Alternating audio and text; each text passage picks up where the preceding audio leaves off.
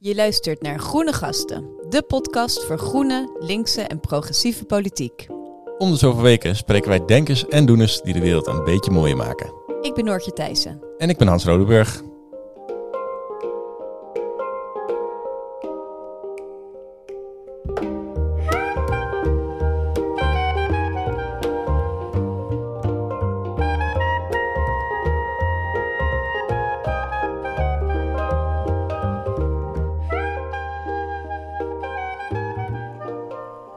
Welkom allemaal uh, in een nieuwe aflevering van Groene Gasten. Vandaag gaan we het hebben over uh, schulden, schuldenproblematiek.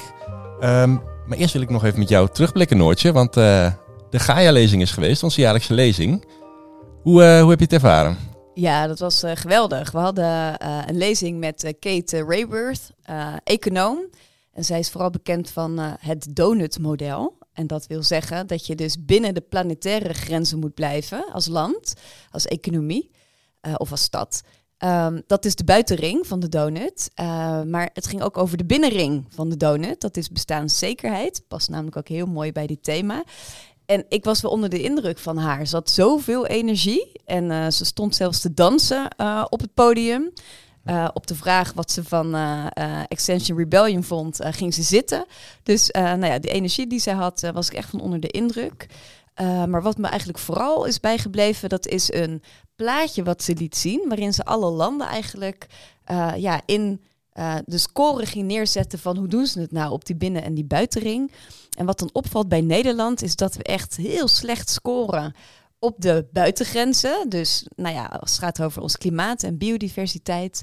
En op de binnengrens, zei zij in dat model van nou, Nederland doet het daar eigenlijk heel goed in. Niemand uh, zit onder de sociale, uh, ja, hoe zeg je dat? Het sociale minimum. Ja.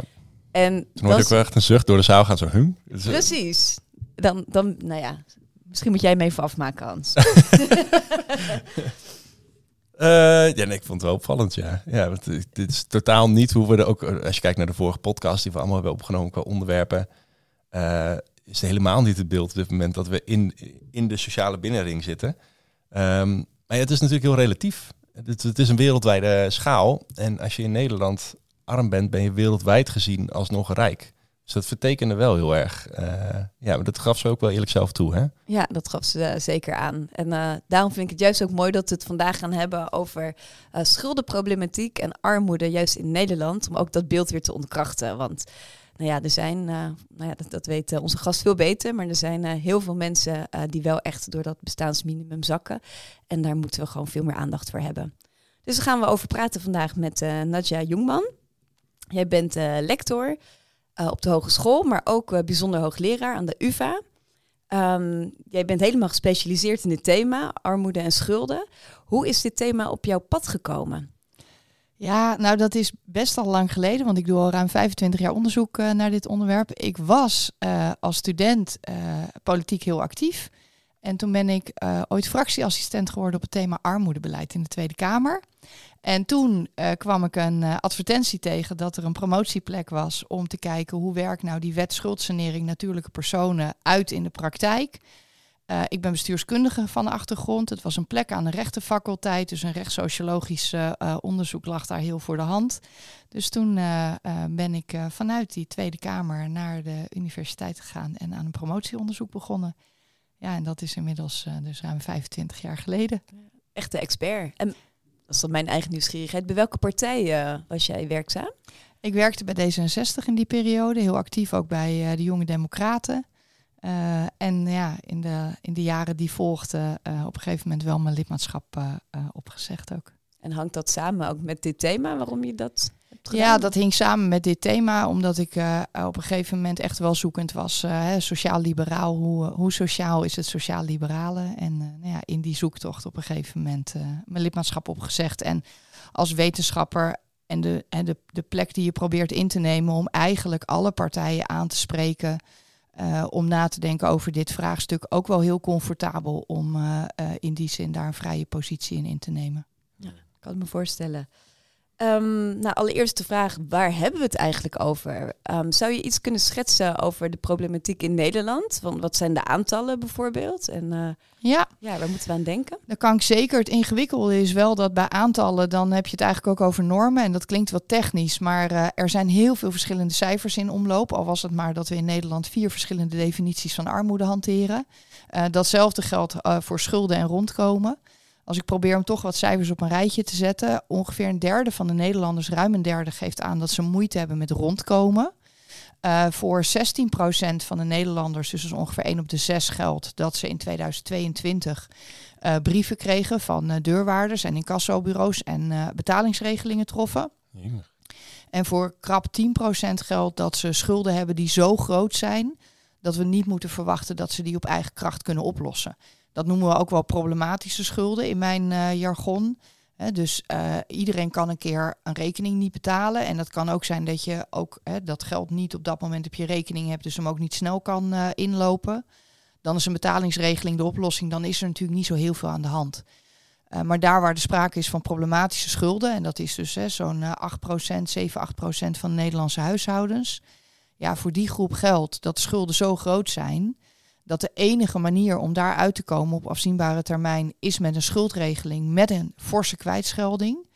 Ja, en dat is waar het gros van mijn onderzoek zich op richt, omdat we eigenlijk in dit land niet goed in staat zijn om die groep weer perspectief te geven. Zijn we daar een uitzondering in of is het echt een wereldwijd probleem? Nou, dat is een ingewikkelde vraag, want wereldwijd is wel, uh, is wel heel groot. Kijk, wat je, wat je ziet is dat eigenlijk alle Europese landen, met name de Noord-Europese landen, hebben pak een beetje een jaar of 20, 25 geleden uh, allerlei wetgeving ingevoerd, waaronder wij de wet schuldsanering natuurlijke personen in 1998. Uh, eh, met het idee dat schulden van natuurlijke personen, dus privépersonen, mensen zoals wij van vlees en bloed, dat die eindig moeten zijn. Amerika kent een hele andere traditie. Uh, want in Amerika zie je al veel langer dat dat eigenlijk natuurlijk een land is van uh, hè, de, ja, je bouwt je eigen toekomst. En op het moment dat je in de schulden komt, ga je naar de rechter, vraag je een faillissement aan. En dan begint de eerste dag van de rest van je leven. En wat je als je een beetje tussen je oogwimpers uh, door ziet, is dat over het algemeen verzorgingsstaten hebben gekozen voor kwijtschelding na een forse terugbetaling. Dus dan moet je een aantal jaar, was in Nederland tot voor kort ook zo, althans gaat binnenkort wijzigen uh, maximaal terugbetalen. En dan na een aantal jaar krijg je een kwijtschelding. Dat zie je eigenlijk ook in de meeste Noord-Europese landen. En Amerika heeft dus veel meer een uh, systeem gebouwd op uh, meld je bij de rechter en dan krijg je een kwijtschelding. dus dat zijn wel heel verschillende keuzes die gemaakt worden. En daar zie je toch vooral primair in terug. Vinden we schuldenproblematiek nou de verantwoordelijkheid van het individu? En dus ben jij ook verantwoordelijk om in ieder geval inspanning te leveren om zoveel mogelijk terug te betalen. Of zien we schuldenproblematiek als een maatschappelijk fenomeen, wat ontstaat in het, in het economische verkeer en uh, waarbij je mensen eigenlijk snel een kwijtschelding moet geven, omdat dat ook een soort balans geeft in hoe bijvoorbeeld kredietverstrekkers omgaan met de risico's die ze nemen en ook partijen die diensten leveren, omgaan met hun marketing om mensen maar zoveel mogelijk uh, uh, te laten kopen. Want zie je dat in Amerika dan ook echt gebeuren? Dat, dat, dat bedrijven veel zorgvuldiger uh, omgaan met het lenen van geld aan mensen? Zo van ja, als je jezelf failliet verklaart, ben ik mijn geld kwijt. Nou ja, kijk, ieder, ieder systeem kent zijn eigen uitdagingen en zijn eigen kansen. Dus ook in Amerika zien natuurlijk kredietverstrekkers kansen. Uh, in Amerika is het zo dat daar eigenlijk je, cre je credit score, dat is uh, ja, je fundament onder je financiële bestaan. Dus als je in Amerika 18 wordt, dan is het advies, vraag creditcards aan bij voorkeur meerdere creditcards. Ga ze zoveel mogelijk gebruiken, want dan maak je schulden en die betaal je terug binnen de bepalingen van de creditcardmaatschappij. En daarmee laat je zien, ik ben heel betrouwbaar om geld aan te lenen. Dus in Amerika is het idee, maak schulden, kom die na volgens de verplichtingen en daarmee laat je je betrouwbaarheid zien. Ja, dat is wel een hele andere manier van kijken dan wij in dit land met onze debitcard. Waarbij, ja, jeetje, een creditcard, die gebruik je toch alleen voor uh, vakantie, als je hem al hebt. Ja, totaal anders. En in, in Nederland eigenlijk dit thema, zeven jaar geleden werd het ineens uh, ja, heel concreet voor heel veel mensen, dankzij de documentaire Schuldig. Um, Ja, ik, ik moet daar zelf ook nog vaak aan denken. Want uh, Dennis is een van de hoofdrolspelers uit die documentaire. En heeft een, een winkeltje voor uh, ja, een dierenwinkeltje in Amsterdam-Noord. En ik fiets er heel vaak langs. En het zit er nog steeds. Terwijl zeven jaar geleden tijdens die documentaire was het de vraag: hè, van, gaat Dennis het overleven met zijn winkeltje of niet? Dat is gast met die lange haren en die papegaaien. Precies, en die duiven. Hij had ook allemaal duiven, uh, noem je dat? Uh, duivenmelker. Hij was duivenmelker, ja, ja. ja. Ja, Maar goed, hij zit er nog. Uh, maar in ieder geval, deze documentaire zorgde ervoor dat het ineens in Nederland ook echt een gezicht kreeg. Kun jij iets vertellen over wat die documentaire heeft gedaan voor het, voor het debat in Nederland? Ja, zeker. En hè, voor mensen die luisteren, als je denkt, hè, waar kan ik die documentaire vinden? Nog steeds, als je naar www.human.nl gaat en uh, je zoekt daar op de site, hè, of je googelt op human.nl en schuldig, dan kan je hem zo vinden. Het, het, is een onwaarschijnlijk mooie documentaire. Heeft toen ook zo ongeveer alle journalistieke prijzen gewonnen in Nederland uh, die je maar kan winnen. En wat deze twee documentairemakers deden, was dat ze in Noord mensen volgden met schuldenproblematiek. En daar kwam je Dennis tegen met een hele hoge aaibaarheidsfactor waar je echt mee te doen hebt. Maar ook mensen waar, waar in het schuldendebat mensen ook wel wat van vinden. Die omgaan met hun geld misschien op een wat andere manier dan je, uh, dan je zelf doet. En wat die documentaire heeft gedaan, is dat het vooral inzichtelijk heeft gemaakt dat schuldenproblematiek heel veel verschillende gezichten kent.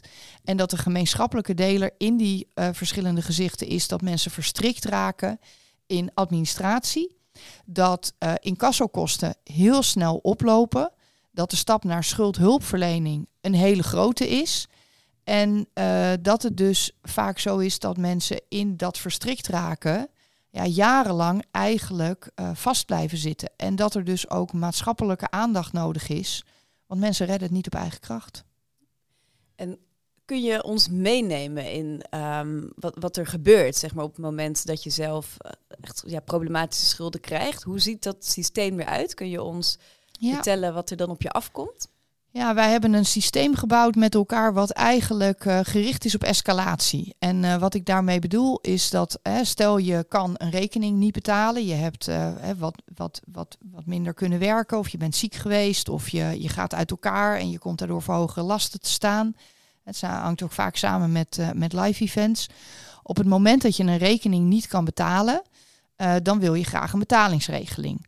Nou, daar gaan schuldeisers in dit land al heel verschillend mee om. Je hebt geen wettelijk recht op een betalingsregeling. Er ligt nu wel een voornemen om een wetsvoorstel in te dienen uh, dat rechters uh, op afzienbare termijn wel een betalingsregeling mogen opleggen. Maar dan ben je dus al heel ver het proces in, want dan zit je al bij de rechter. Dus wat er eigenlijk de eerste stap is, dat schuldeisers daar heel verschillend mee omgaan. Dat je ziet dat de meeste schuldeisers zeggen of ik hanteer een minimumbedrag of ik hanteer een maximumtermijn. Dus je moet minimaal 35 euro per maand afbetalen. Of het moet, noemen ze wat, binnen zes maanden terugbetaald zijn. Dan kom je eigenlijk ook op zo'n bedrag. Als dat bedrag niet in je budget past, en bij een deel van de mensen is dat het geval, ja, dan gaan er, komen er incassokosten bij. Dat is zolang die schuldeiser niet naar de rechter is gegaan, nog wel te overzien. Al hebben we een wet waarvoor geldt dat ieder bedrag minstens 40 euro in kasselkosten uh, mag opleveren.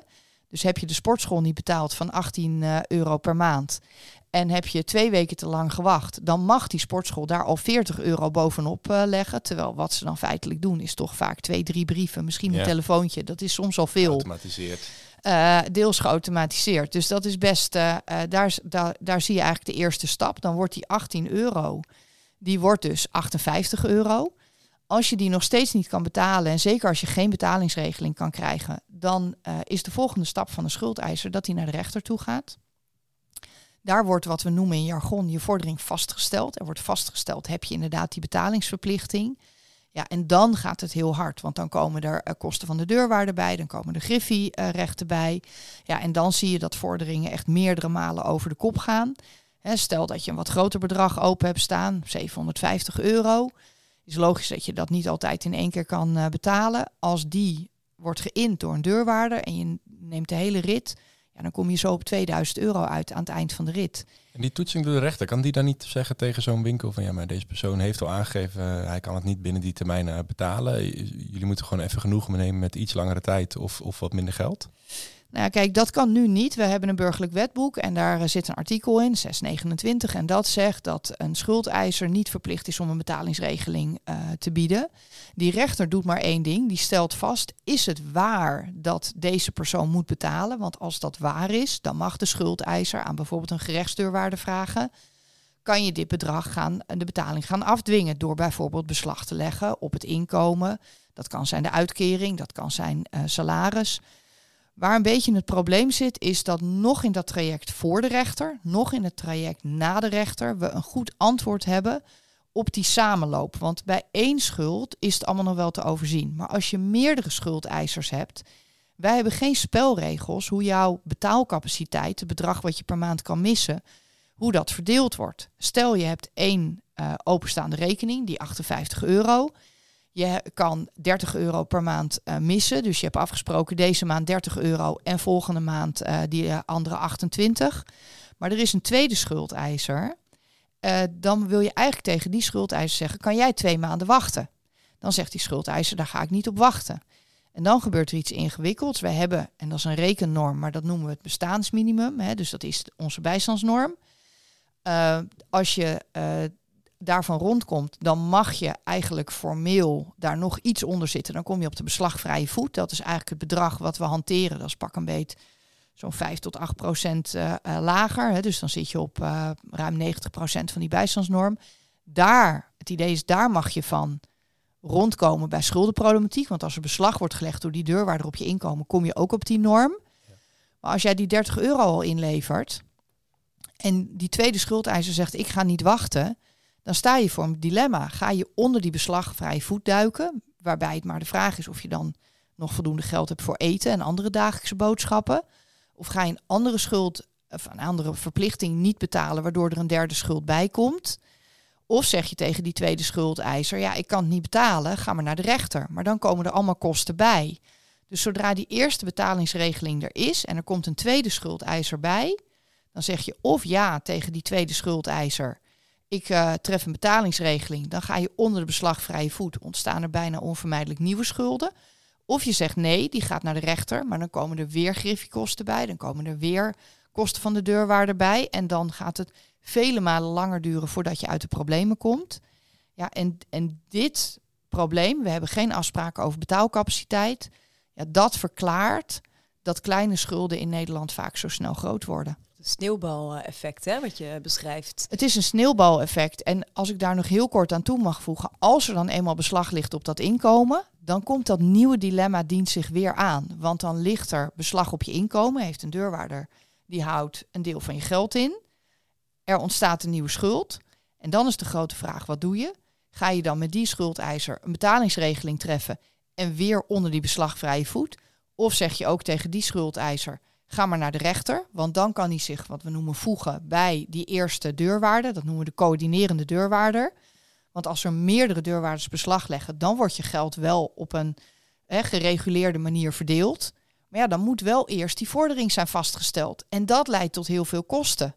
Ja, dus mensen staan vanaf het moment dat er een tweede schuldeiser bij komt, permanent voor onmogelijke dilemma's. En het hele systeem is eigenlijk gericht op escalatie, het oplopen van de vorderingen.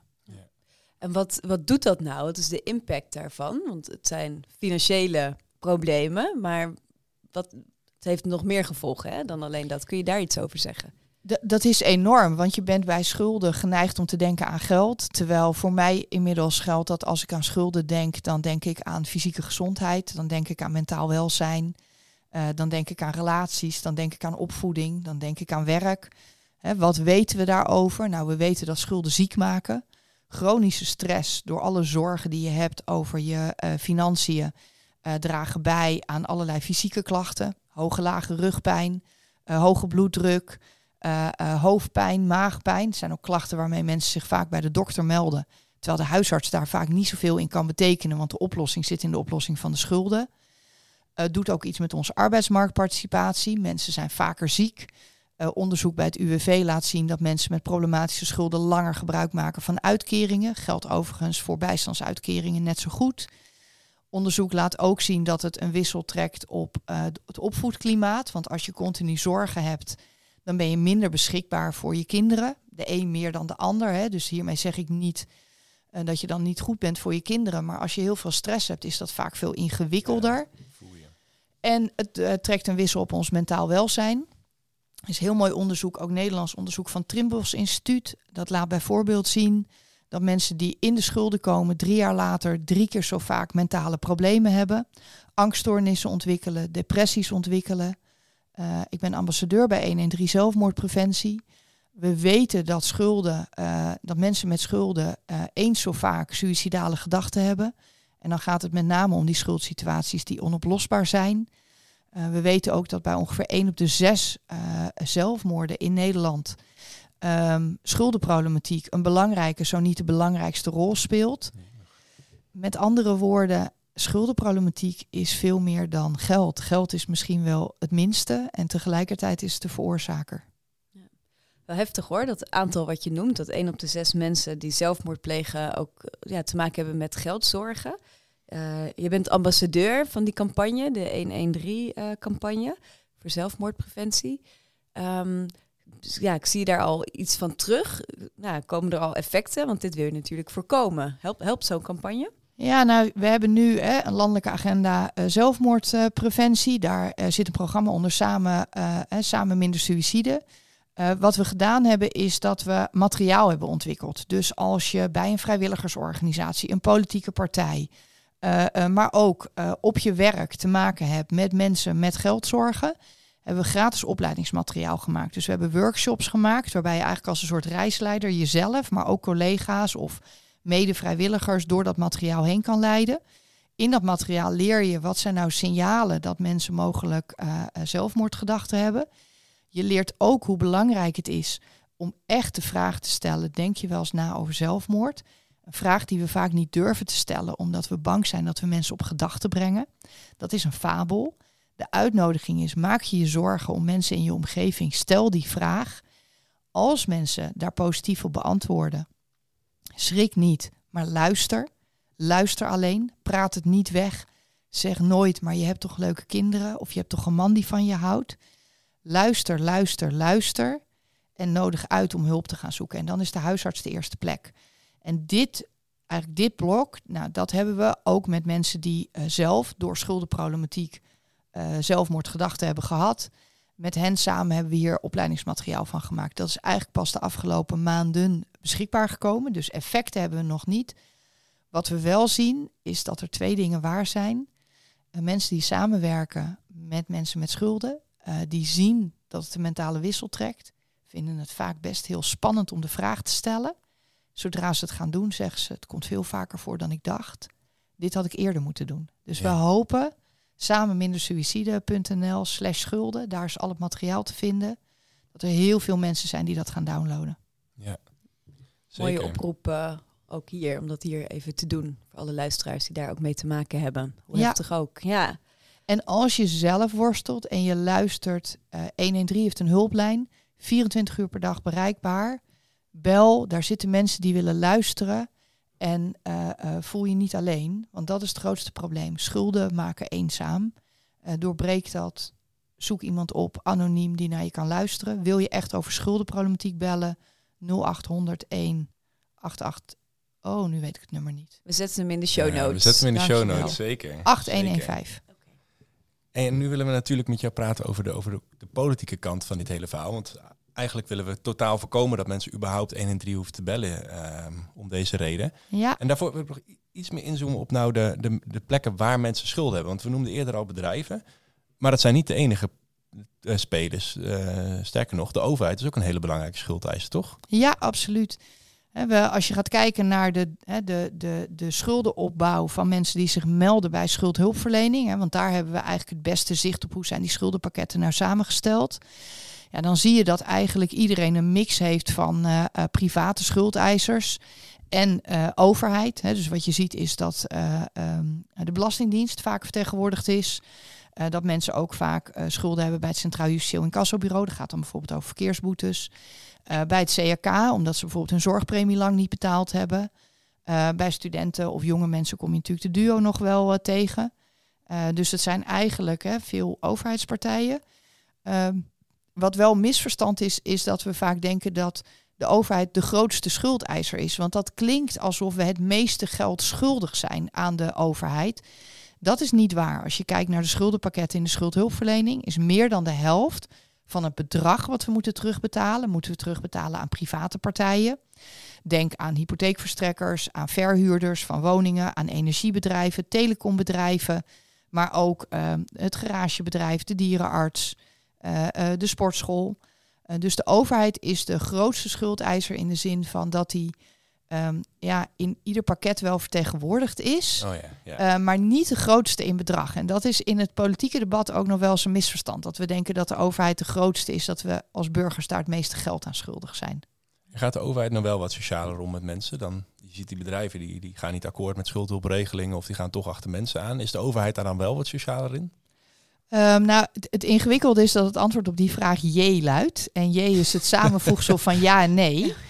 Um, uh, want er zijn twee dingen waar. Als je kijkt naar de afgelopen jaren, hè, jij noemde net uh, documentaire schuldig, is er heel veel gebeurd ten goede. Als je bijvoorbeeld kijkt naar het Centraal Justitieel Incassobureau, een jaar of zeven geleden, als je daar uh, een boete had omdat je te hard had gereden of je had zonder licht op je fiets gereden en je belde voor een betalingsregeling, dan was het antwoord: wij treffen geen betalingsregelingen. Als je nu kijkt bij het CIB, hebben die maatwerkoplossingen. Het is wel belangrijk dat je zelf aan de bel trekt. Het is wel belangrijk dat je echt inzage geeft in hoe je financiële positie is. Maar dan is daar veel maatwerk mogelijk.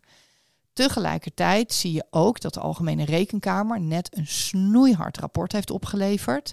Wat gaat over hoe die overheid, waaronder CIB, maar ook met name de Belastingdienst en CAK, omgaan met de inning. Ja, en dan zie je dat bijvoorbeeld de Belastingdienst bij haar inning niet alle aandacht heeft voor het waarborgen van, we noemden hem net al even, die beslagvrije voet. Dus dat onder andere bij die Belastingdienst het niet met stip op één staat om te voorkomen dat mensen echt onder, en dat is niet eens het bestaansminimum, want het bestaansminimum is de bijstandsnorm. Beslagvrije voet zit onder de bijstandsnorm. Dat onder andere die Belastingdienst er niet alles op alles zet om te voorkomen dat mensen daaronder zakken. Dus die overheid die is bezig met nou ja, ontwikkeling. In die ontwikkeling zie je mooie dingen gebeuren, maar we zijn er nog lang niet.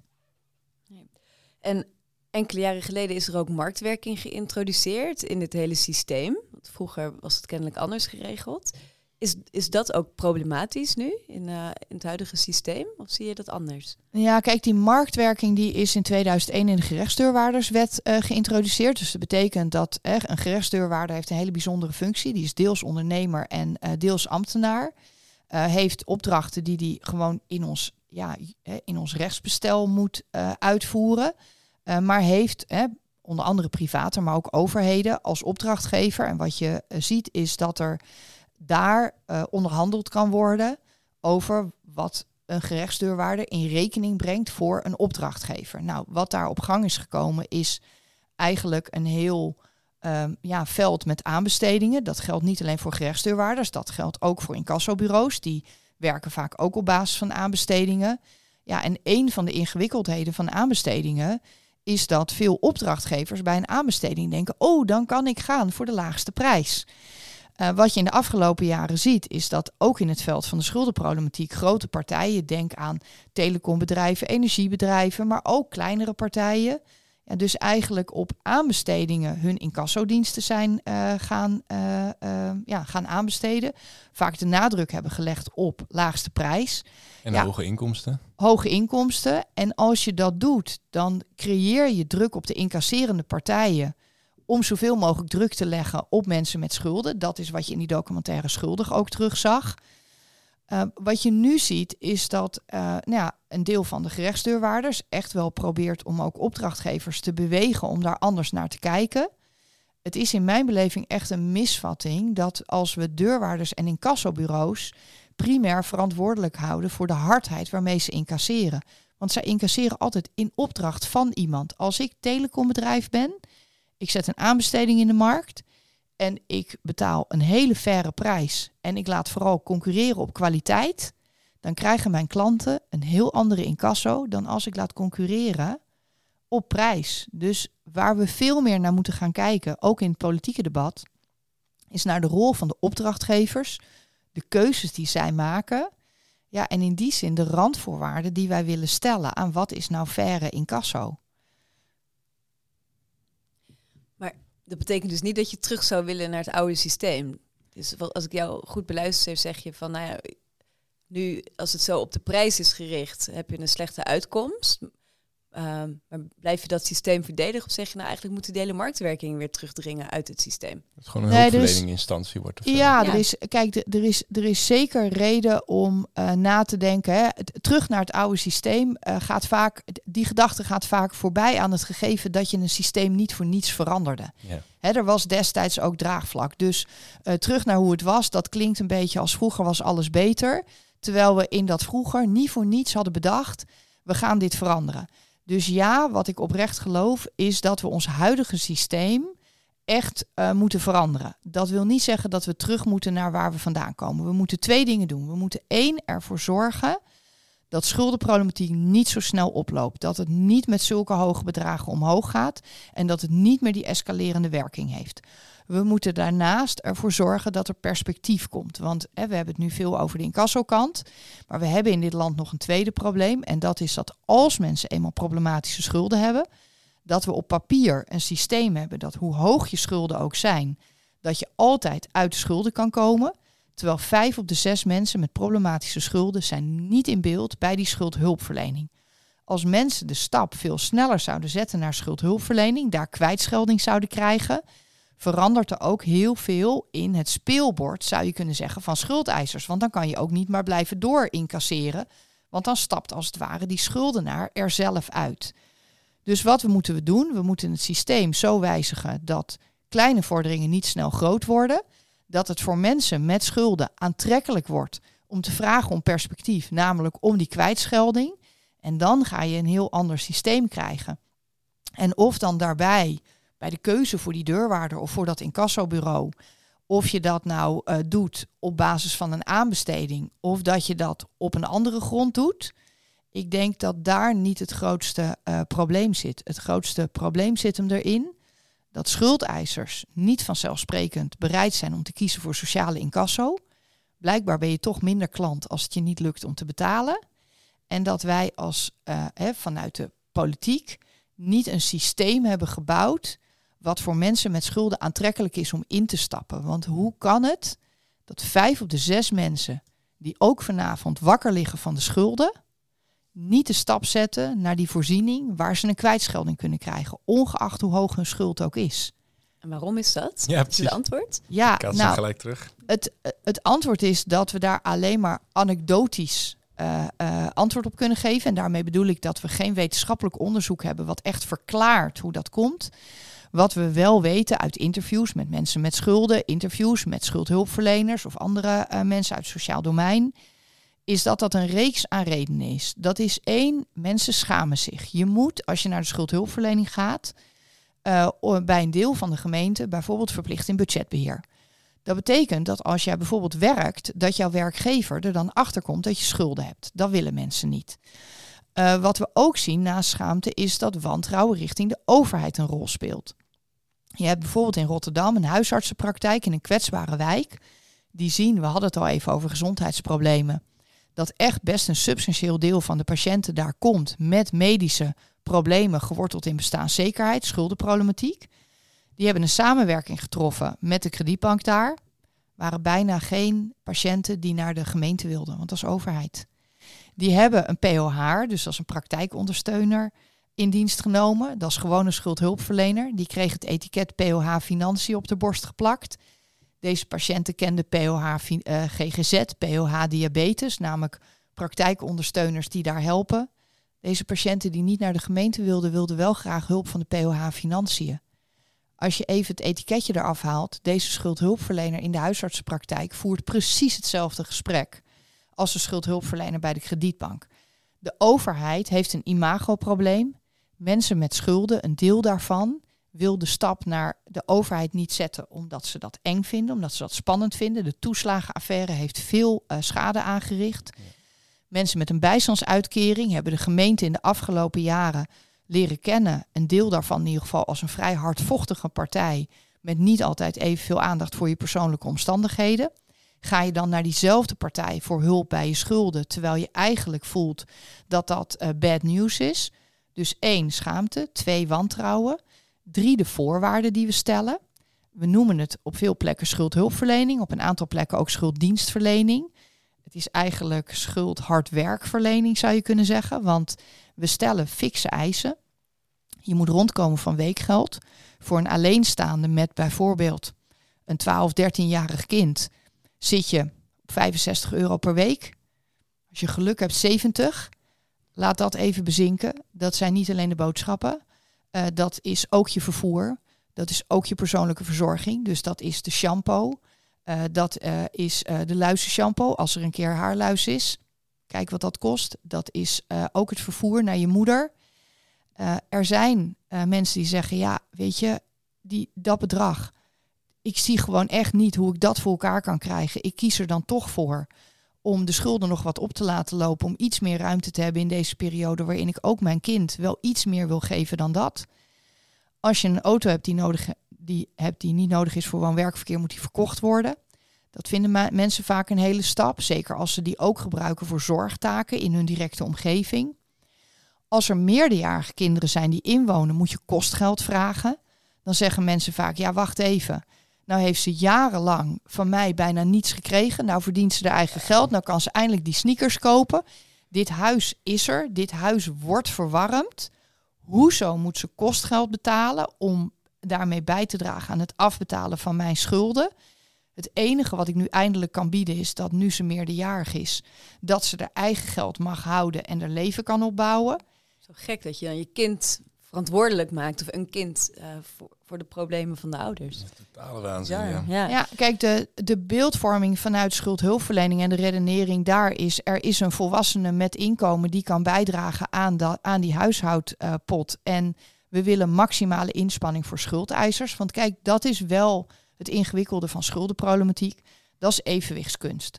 Want als mensen een kwijtschelding krijgen in de gemeentelijke schuldhulpverlening krijgen ze gemiddeld 95 tot 90 procent van hun schuldenlast kwijtgescholden. Dat betekent dat we van schuldeisers ook een heel offer vragen. Want als jij maar 5 of 10 procent krijgt van je schuldenlast, ja, dan is dat ook wel uh, een hele aderlating. Dus is het idee maximale inspanning. Um, en dat is, hè, je zou kunnen zeggen, ergens ook wel terecht. Tegelijkertijd, ja, bij die 18, 19-jarigen die al die jaren al in problemen hebben gezeten, ook ik ben geneigd om te denken, daar moeten we die maximale inspanning echt nog maar eens even tegen het licht houden en ons afvragen, is dat nou echt nodig? Vooral omdat heel veel van die bedrijven, uh, er zijn een aantal, een aantal beruchte voorbeelden, die hebben een verdienmodel gebouwd op het gewoon uh, aansmeren van schulden. Dat jij op aanbetaling spullen gaat kopen en dan vervolgens achter je aankomen, of niet? Ja, kijk, wat, wat zo ingewikkeld is, is dat de schuldeiser niet bestaat. Uh, de, de, schuldeiser is uh, de fietsenmaker, um, hè, waar je misschien wel de, de, fiets van je 12-jarige dochter naartoe bracht, omdat, je, omdat er iets stuk was wat je echt niet zelf kon fixen. Maar de schuldeiser is ook um, allerlei bedrijven die op afbetaling uh, hun verdiensten proberen te creëren. Er is natuurlijk tegenwoordig veel aandacht voor partijen zoals Klarna. Hè, waarbij we natuurlijk zien, hè, AFM vraagt daar ook aandacht voor. Autoriteit Financiële Markten. Autoriteit Financiële Markten, waarbij we zien dat mensen die kopen op afbetaling lang niet altijd binnen de gestelde termijn ook dat kunnen terugbetalen. En er best ook behoorlijk geld wordt verdiend aan ja, wat er dan aan extra kosten bij komt. Uh, ja, die schuldeiser is ook de overheid, waarbij hè, de redenering vanuit de overheid vaak is, ja, alles wat we niet kunnen innen is ook belastinggeld wat niet geïnd wordt. Dus wilden we daar wel maximale inspanning op. Alles opgeteld, de schuldeiser bestaat niet. Er zijn partijen die inderdaad hè, uh, schuldenproblematiek gebruiken als verdienmodel. Uh, er zijn ook partijen zoals die fietsenmaker, voor wie het, voor wie het ook best uh, zuur is als je 95% moet kwijtschelden van de uren waar je ook gewoon maar hard in hebt gewerkt. Wat wij nodig hebben in dit land is schuldhulpverlening, waarvoor geldt dat als de schulden problematisch zijn, mensen gewoon snel uit, uit die problemen kunnen komen. Daar gaan we nu een stap zetten. Per 1 juli duurt een schuldregeling niet meer drie jaar, maar duurt die nog anderhalf jaar. Per 1 januari waarschijnlijk, de wet schuldsanering natuurlijk personen wordt gewijzigd, uh, geldt datzelfde ook bij de voorziening bij de rechter. Nou, dat betekent dat in ieder geval de duur korter wordt. Ja. Dat we hopen eh, dat dat mensen gaat aanmoedigen om toch te komen.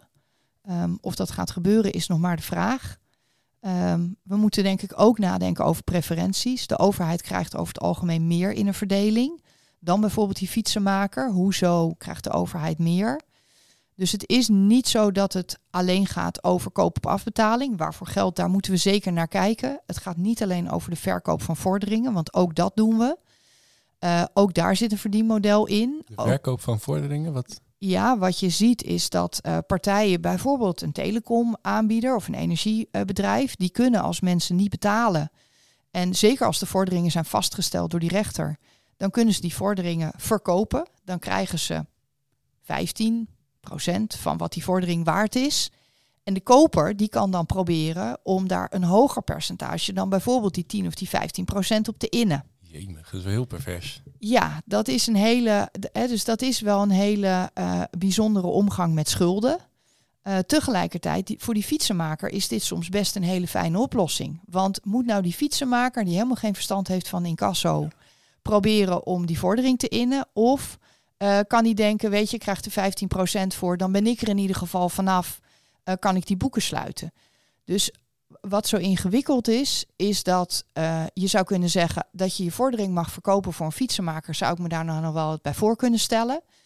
Dat je in je verdienmodellen en in je marketing op voorhand er al op rekent dat een deel niet betaalt. De prijs daar ook op aanpast.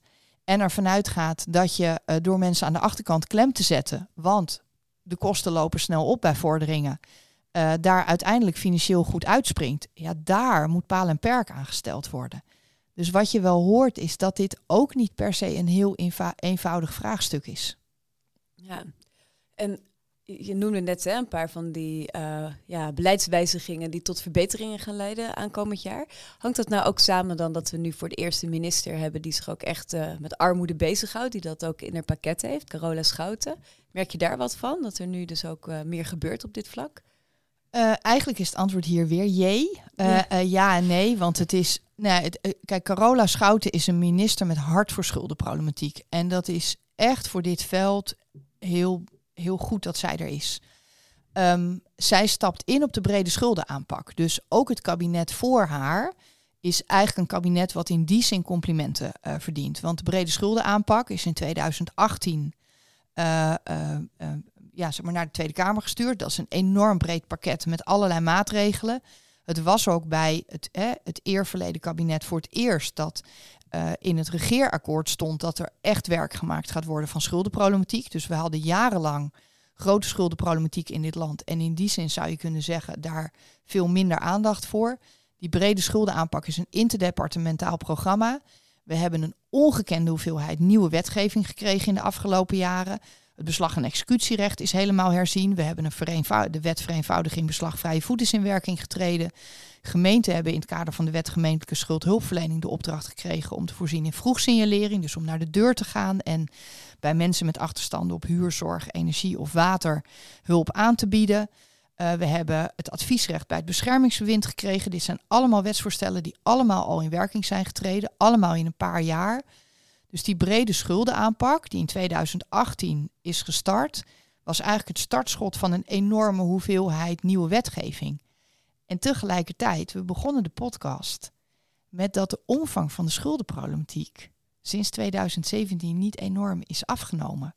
Dus wat je vooral ziet, is dat we met heel veel goede bedoelingen niet de meters maken. En dan kom je terug op die twee cruciale problemen. Eén, schuldhulpverlening is niet aantrekkelijk genoeg. We moeten ervoor zorgen dat mensen daar naartoe willen. En twee, schulden lopen te snel op. Kleine schulden worden te snel groot. Er moeten spelregels komen op de betaalcapaciteit voordat mensen naar de rechter ga gaan. En er moeten spelregels komen als er eenmaal beslag legt, ligt. Hoe voorkom je dat je met extra betalingsregelingen onder dit bestaansminimum komt? En drie, en daar hebben we het nog niet over gehad, er moet een bestaansminimum zijn waarbij ja. je geen schulden maakt. Ja. Want daar hebben we het nog niet over gehad, maar dat is wel de onderlegger van schuldenproblematiek. Hè, er is op dit moment uh, de commissie Sociaal Minimum. Uh, ik zit in die commissie ook. Uh, die is bezig om uit te werken. Wat wordt nou de, de nieuwe bijstandsnorm? Uh, en ook daar hebben we natuurlijk werk te verrichten, omdat onder andere het Nibud, maar ook de Nationale Ombudsman uh, en ook uh, de, de SER al een tijd aandacht vraagt voor het gegeven dat er groepen zijn waarvoor geldt dat de bijstandsnorm niet toereikend is voor mensen om rond te komen.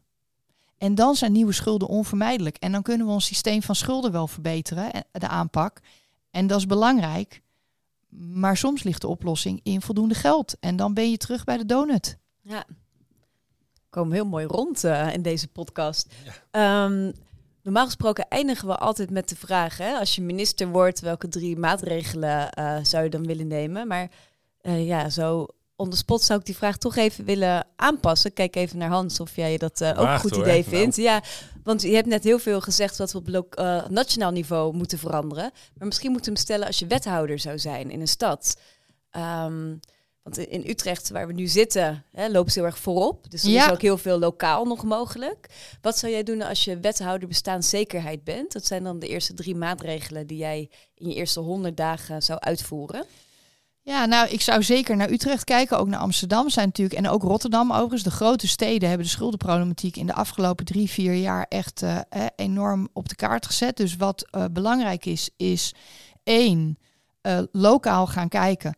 Wat zijn nou die punten waar mensen komen die schulden hebben, die niet het etiket schuldhulp, hè, waar we niet het etiket schuldhulpverlening op plakken. Dus niet je loket schuldhulpverlening, maar dat zijn de huisartsen, dat zijn de lagere, dat zijn de middelbare scholen, dat zijn de fysiotherapeuten. Hè, dat zijn eigenlijk al die plekken, dat zijn de buurthuizen. Zorg ervoor dat de toegang tot schuldhulpverlening daar wordt gepositioneerd. Waar er boven de deur niet een bordje schuldhulpverlening hangt, want die drempel is voor mensen echt te hoog. Terwijl je zoals met zo'n huisartsenproject ziet, mensen willen wel hulp maar uh, willen hulp in een omgeving waar ze zich veilig voelen. Dus zorg ervoor dat je de poort verplaatst en het bordje van de, uh, uh, van de deur af sloopt, zou ik bijna willen zeggen.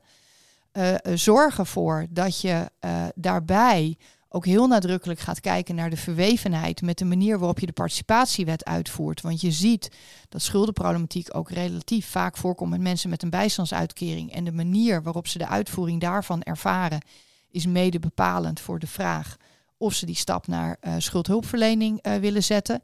En als je ze nog niet had, zorg ervoor dat je sociaal raadslieden in je gemeente een plek geeft. Sociaal raadslieden is laagdrempelige juridische hulp. Uh, is hulp die verder gaat dan bijvoorbeeld het juridisch loket. Want ik kan altijd naar het juridisch loket toe, maar die vertellen me dat je een betalingsregeling moet treffen. Wij hebben onderzoek gedaan. Als schuldeisers op het verzoek om een betalingsregeling nee zeggen, en je gaat naar de sociaal raadslieden en die gaan bellen, krijg je in de helft van de gevallen toch die, die betalingsregeling. Sorry, ik zei schuld, ik bedoelde betalingsregeling. Dus wat kunnen sociaal raadslieden betekenen? Al die dingen die zo ingewikkeld zijn in je administratie, die kunnen ze voor je fixen met juridische kennis. En ook zij zijn een toegangspoort naar schuldhulpverlening. Je knalt ze, knalt ze er zo allemaal uit. Ik heb bij elke, elke nog wel uh, wel meer vragen. Maar ik denk dat we moeten gaan afronden, want uh, heel veel informatie, super interessant. Ik ga je nog heel lang op kouwen, denk ik, wat ik hier nou uh, allemaal van vind. Um, heb jij nog iets te zeggen, Noortje? Nee, ik, ik, ik, hoop gewoon dat we ook weer inspiratie bieden voor degenen die aan de knoppen zitten. Ja, zowel op nationaal, maar zeker op, ook op lokaal niveau.